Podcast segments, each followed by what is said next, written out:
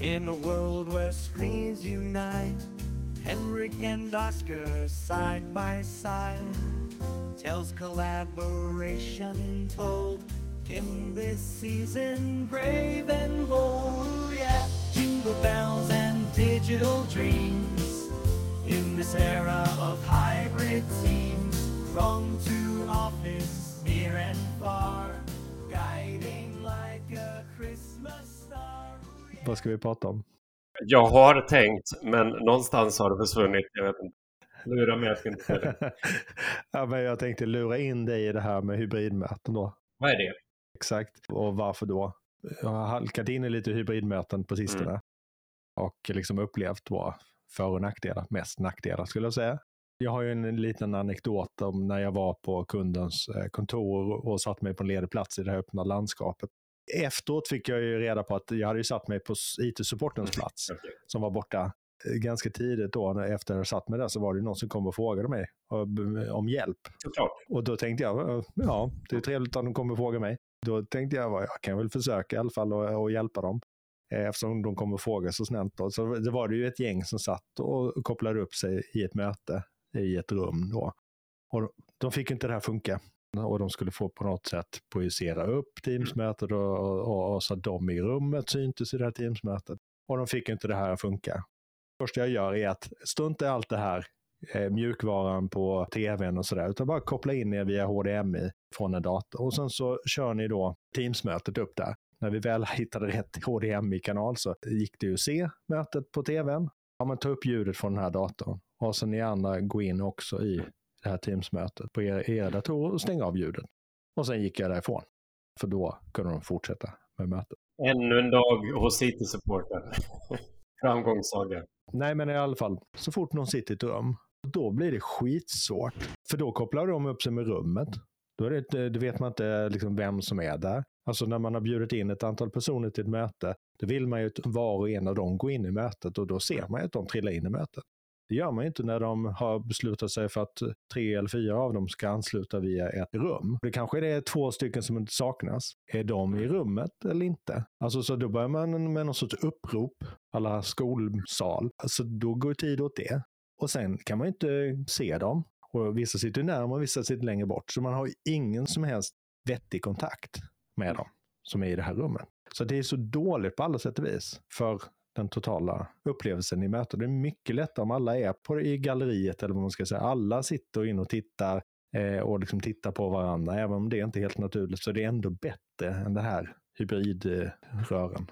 Man undrar ju hur många som har kommit på det. Jag känner att jag har lite dålig koll där. Eller på de mötena som jag är så händer det inte naturligt att alla pluggar in sin enhet. Utan man sitter och tittar på den här gemensamma skärmen. Och jag tycker också att det är väldigt mycket säljprat om att köpa nya större skärmar. Men det är fortfarande samma sittning, att man passivt ska sitta och titta in gemensamt i den här skärmen. Det är inte fokus på hur vi engagerar alla och får alla att bidra och är med så mycket som möjligt i mötet. Nej, och det är som att vi glömt det här. För när de, flesta kom tillbaka från coronapandemins eh, påtvingade distansarbete, då var det ju så här inarbetat, ja, men då slår man upp sin dator så ansluter man via sin egen enhet till, till mötet. Och så var man mer så här, ja men hur gör vi nu när vi sitter i samma rum? Det blir ju konstigt. Men sen har vi på något sätt fallit tillbaka till det här att, ja men sitter vi i samma rum, då kopplar vi upp oss vid den här utrustningen. Så det har ju blivit en teknikfråga igen. Nej, men jag är rädd att man investerar mycket i nya lösningar då för att man tror att man behöver det och att det löser problemet. Okej, att man ser varandra bättre, man kanske kan ha en bättre ljudupptagning och så vidare. Men vi, det, det viktiga är ändå att ett produktivt möte, att ett engagemang, att alla kan bidra. Det känner jag är det viktigaste. Det är helt värdelöst att interagera på det sättet. Då är det bättre att alla går in i det här mötet var och en och helst inte sitter i samma rum. Ja, och de flesta har ju ändå de tekniska möjligheterna att göra på det här viset. I, i alla fall i de, på de arbetsplatser som jag rör mig har ju alla en egen bärbar dator eller någon enhet som man kan komma med. Ja, och det är en teknik man känner till. Man kan sin egen utrustning. Mm. Och det är väldigt få som har så dålig utrustning så att det inte blir okej ljud eller okej bild idag. Jag märkte en grej på, hos en kund som jag är nu, ett jättefint kontor. Eh, Men där fick jag en, eh, en dator som jag behöver använda hos Mm. dem av olika skäl. Med eh, ja, en, en vanlig bärbar dator med en, en skärm och en inbyggd kamera. Mm. Det finns ett öppet landskap man kan sitta och jobba i och där finns det extra skärm och, och sådär. Men just det här om jag ska leda ett möte, vilket jag ofta gör, eller en workshop. Vad gör jag då? Mm. Ja, ska jag gå till mötesrummet då och sätta mig där själv för att få en extra skärm? För jag kan ju inte sitta och prata ut i, i det här allmänna liksom, kontorslandskapet. Och det är ingen bra idé att jag sätter mig med en jätteskärm på väggen och tar upp ett mötesrum själv då, om alla andra deltagare är med på distans. Nej. Nej, så hur gör jag då? då? Ja, men då får man ju sätta sig i ett eh, kanske av de här telefonrummen. Men där finns inga extra skärmar eller, eller bra belysning. Eller luft. Så här, syret tar slut efter ett tag.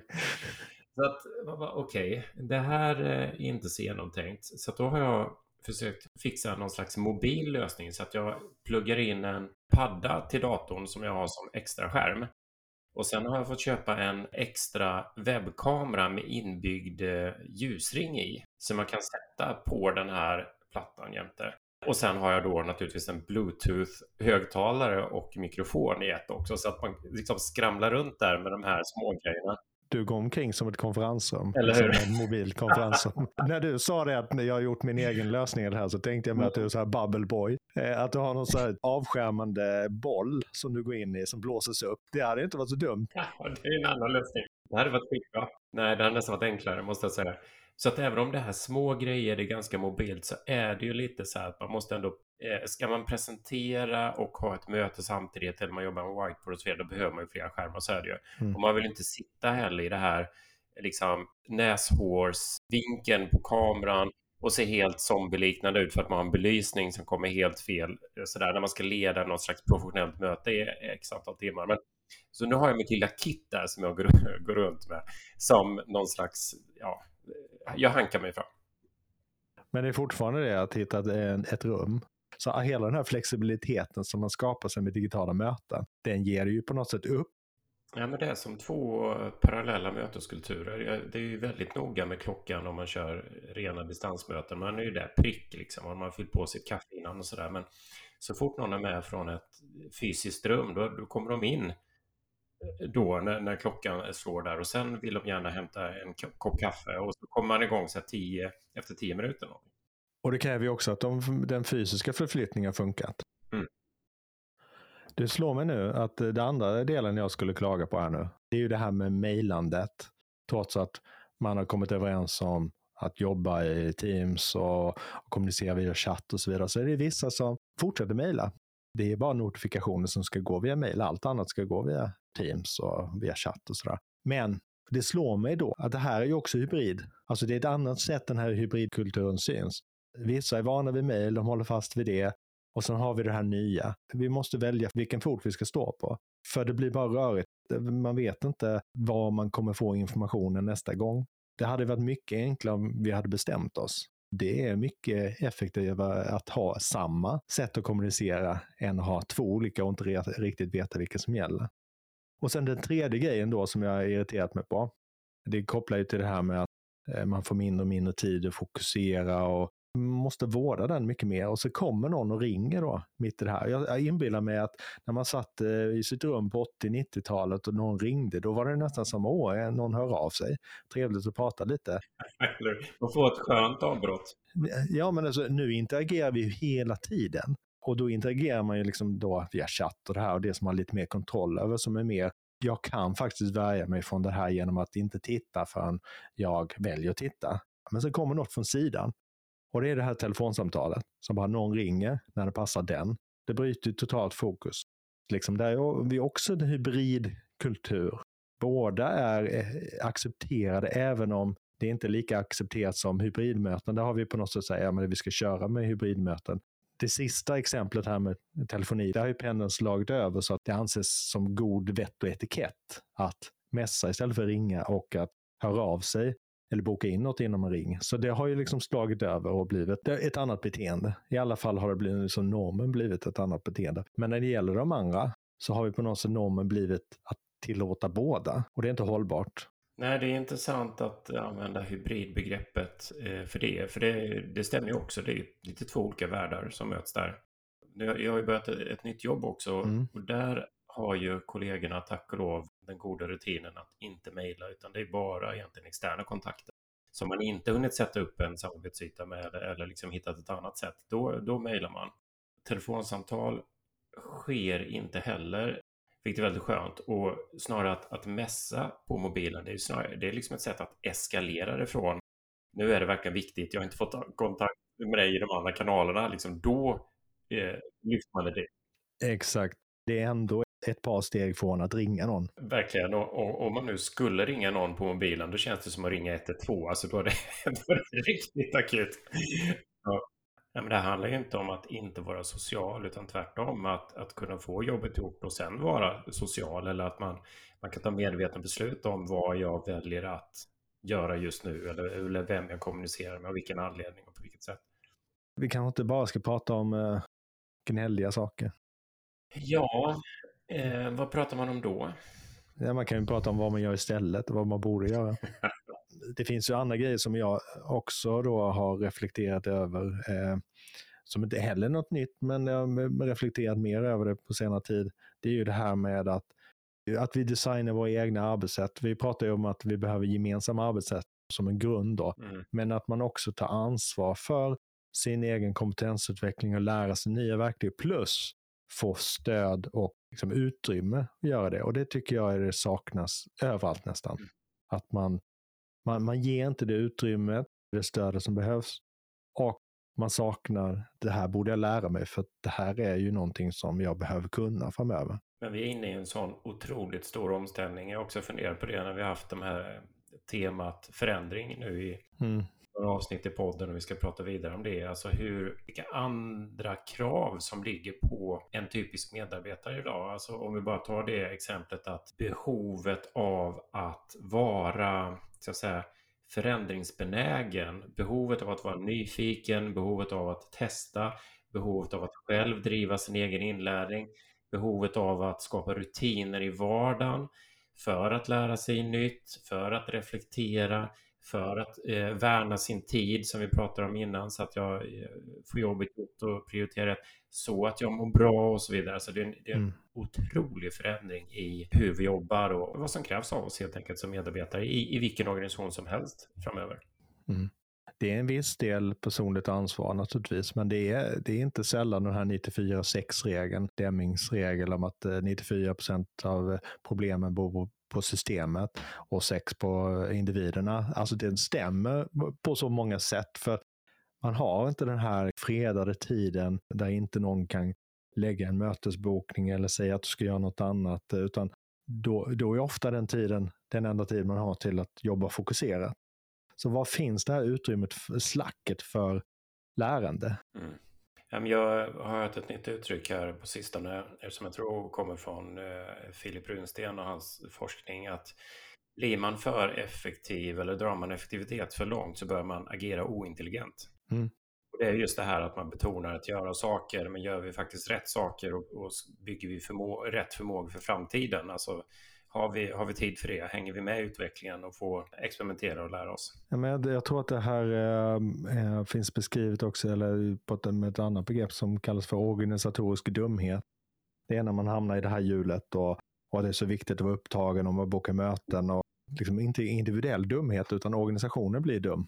Man värderar aktivitet före värde. Alltså det är så viktigt att göra saker. Och då blir man ju dum. Alltså det, det, det är mycket smartare naturligtvis att göra saker som är rätt, som skapar resultat. Ja, får man ett mål om att eh, man ska samla så här många pinnar som polisen fick när de skulle göra sådana här alkotester. Då går de inte ut eh, och samlar pinnar på en söndag morgon när de fångar väldigt många bakfulla bilister. För då tar ju varje bilist ganska mycket tid. Eh, Det blir inte så många pinnar. Då är det mycket bättre att gå ut mitt i veckan, en arbetsdag. För då kommer de flesta i de, som fa- fastnar i de här kontrollerna eller som kontrolleras, de kommer ju släppas igenom snabbt. Så det blir väldigt många pinnar. Det är ju inte värdeskapande. Och så är det i väldigt många organisationer. Att det är aktiviteterna som räknas. Att göra så mycket som möjligt, inte resultatet. Ja, Jag snubblade på en modell som eh, gjordes av Ingvar Nilsson för nästan 20 år sedan. En national... Just det, det känner jag till. Mycket utredningar inom offentlig sektor och annat. Ja. Men han har något som han kallar den självförstärkande ansvarslöshetens onda cirkel. Hängde du med där? Oj då.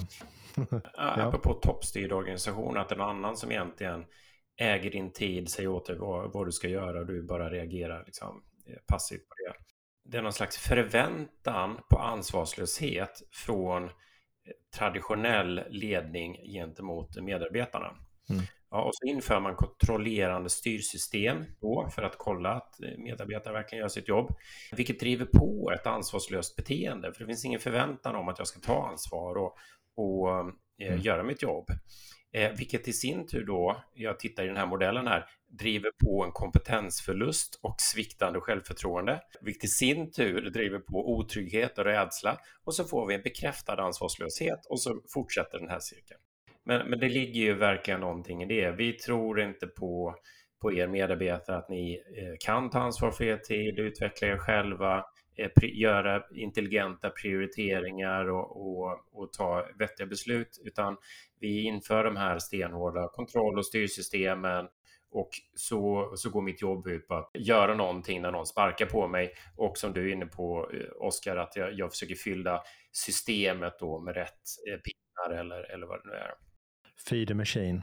Allt vi lägger ner på kontroll, det är ju icke värdeskapande. Så det är mycket bättre att börja i andra änden och börja ge stöd och lita på människor och se till att de blir självgående än att tro att man kan kontrollera sig till eller att bara lägga på kontroll efter kontroll efter kontroll och hoppas att det då blir ett bättre resultat. Det är ju galenskap egentligen.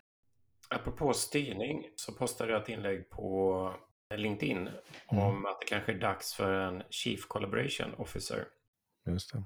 För att jag börjar se det på olika ställen och det är inget nytt begrepp egentligen. Det, är liksom, det pratades om det för 20 år sedan och sen har det glömts bort lite och så det verkar det vara dags nu igen, givet mm. erfarenheten från eh, distansarbetet och vad vi behöver liksom satsa på att kärnan i, i att få hybridarbetet att funka, ett bättre samarbete och, och så vidare. Mm. Det inlägget handlar egentligen inte om att vi måste ha en ny executive där uppe liksom med, med en egen roll, utan men, men det sätter, jag tycker det är pedagogiskt att tänka på det viset, för det sätter fingret på att det är ingen som har ett övergripande ansvar och driver på frågor som har med samarbete att göra. Vilket, vilket gör att det lämnas mycket vind för våg och respektive team och individ får försöka eh, lista ut det där själv. Det verkar ändå ha tagit lite snurr det där, att det finns intresse kring den frågan, men, men då är det en del som kommenterar nej, vi behöver absolut inte en sån ledare till uppe det kanske vi inte gör, men vi, då har vi i alla fall en kravprofil som vi kan gå med till olika och bara fråga, är det du som tar det här ansvaret? Eller är det du som tar det här ansvaret? Någon måste ta det. Nej, men jag såg ju också kommentarerna, det var ju liksom både dels så som jag vet att du tänker med och, och liksom kring det här att vi måste synliga ansvaret och hitta någon sorts horisontellt ansvar i organisationen. För det handlar inte om att skapa en ny avdelning och nytt stuprör som, eh, som liksom ligger bredvid alla de andra, utan det handlar om att någon som kan driva de här frågorna ta ansvar för de här frågorna tvärs över organisationen. Ja, för det är en väldigt strategisk fråga. Var, var, varför behöver vi samarbeta? På vilket sätt? Vilka mål? Vilka verksamhetsmål är det vi ska leva upp till? Och hur ska det här samarbetet se ut på några års sikt så att vi har någonting att jobba mot?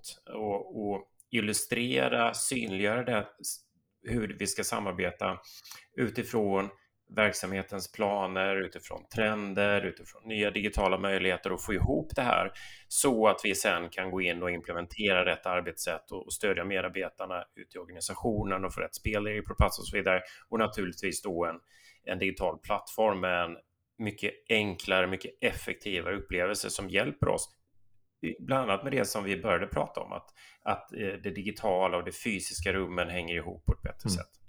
Hade man haft en eh, Chief Collaboration Officer eller vad man nu kallar det, någon, några som jobbar horisontellt utifrån hur ska vi jobba för att vara konkurrenskraftiga framöver, eh, alltså mer utifrån ett verksamhetsperspektiv. Då hade vi inte haft de här krockarna. Då hade man inte suttit och haft sådana här hybridmöten. Då hade man, då hade man jobbat med, på strukturerat metodiskt sätt att komma överens om och implementera vissa gemensamma arbetssätt så att grunden funkar.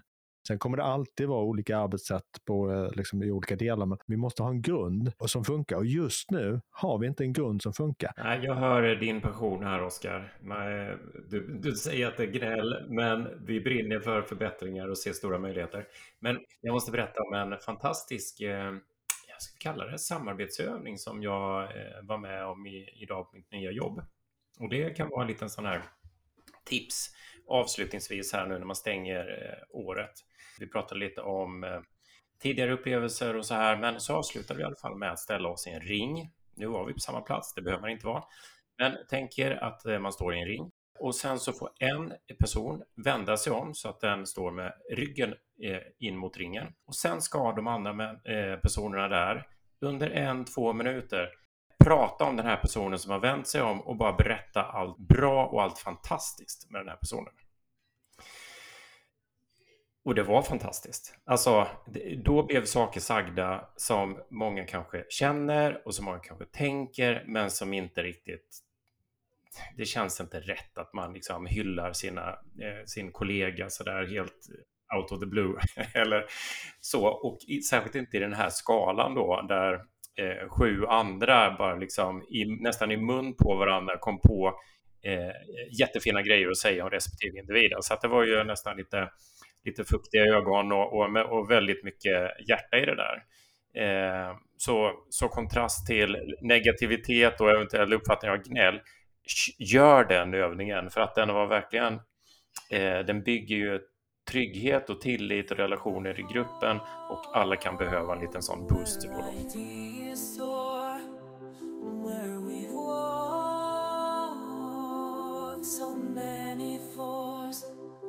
There's a whisper in the air. Time for change, we're well aware.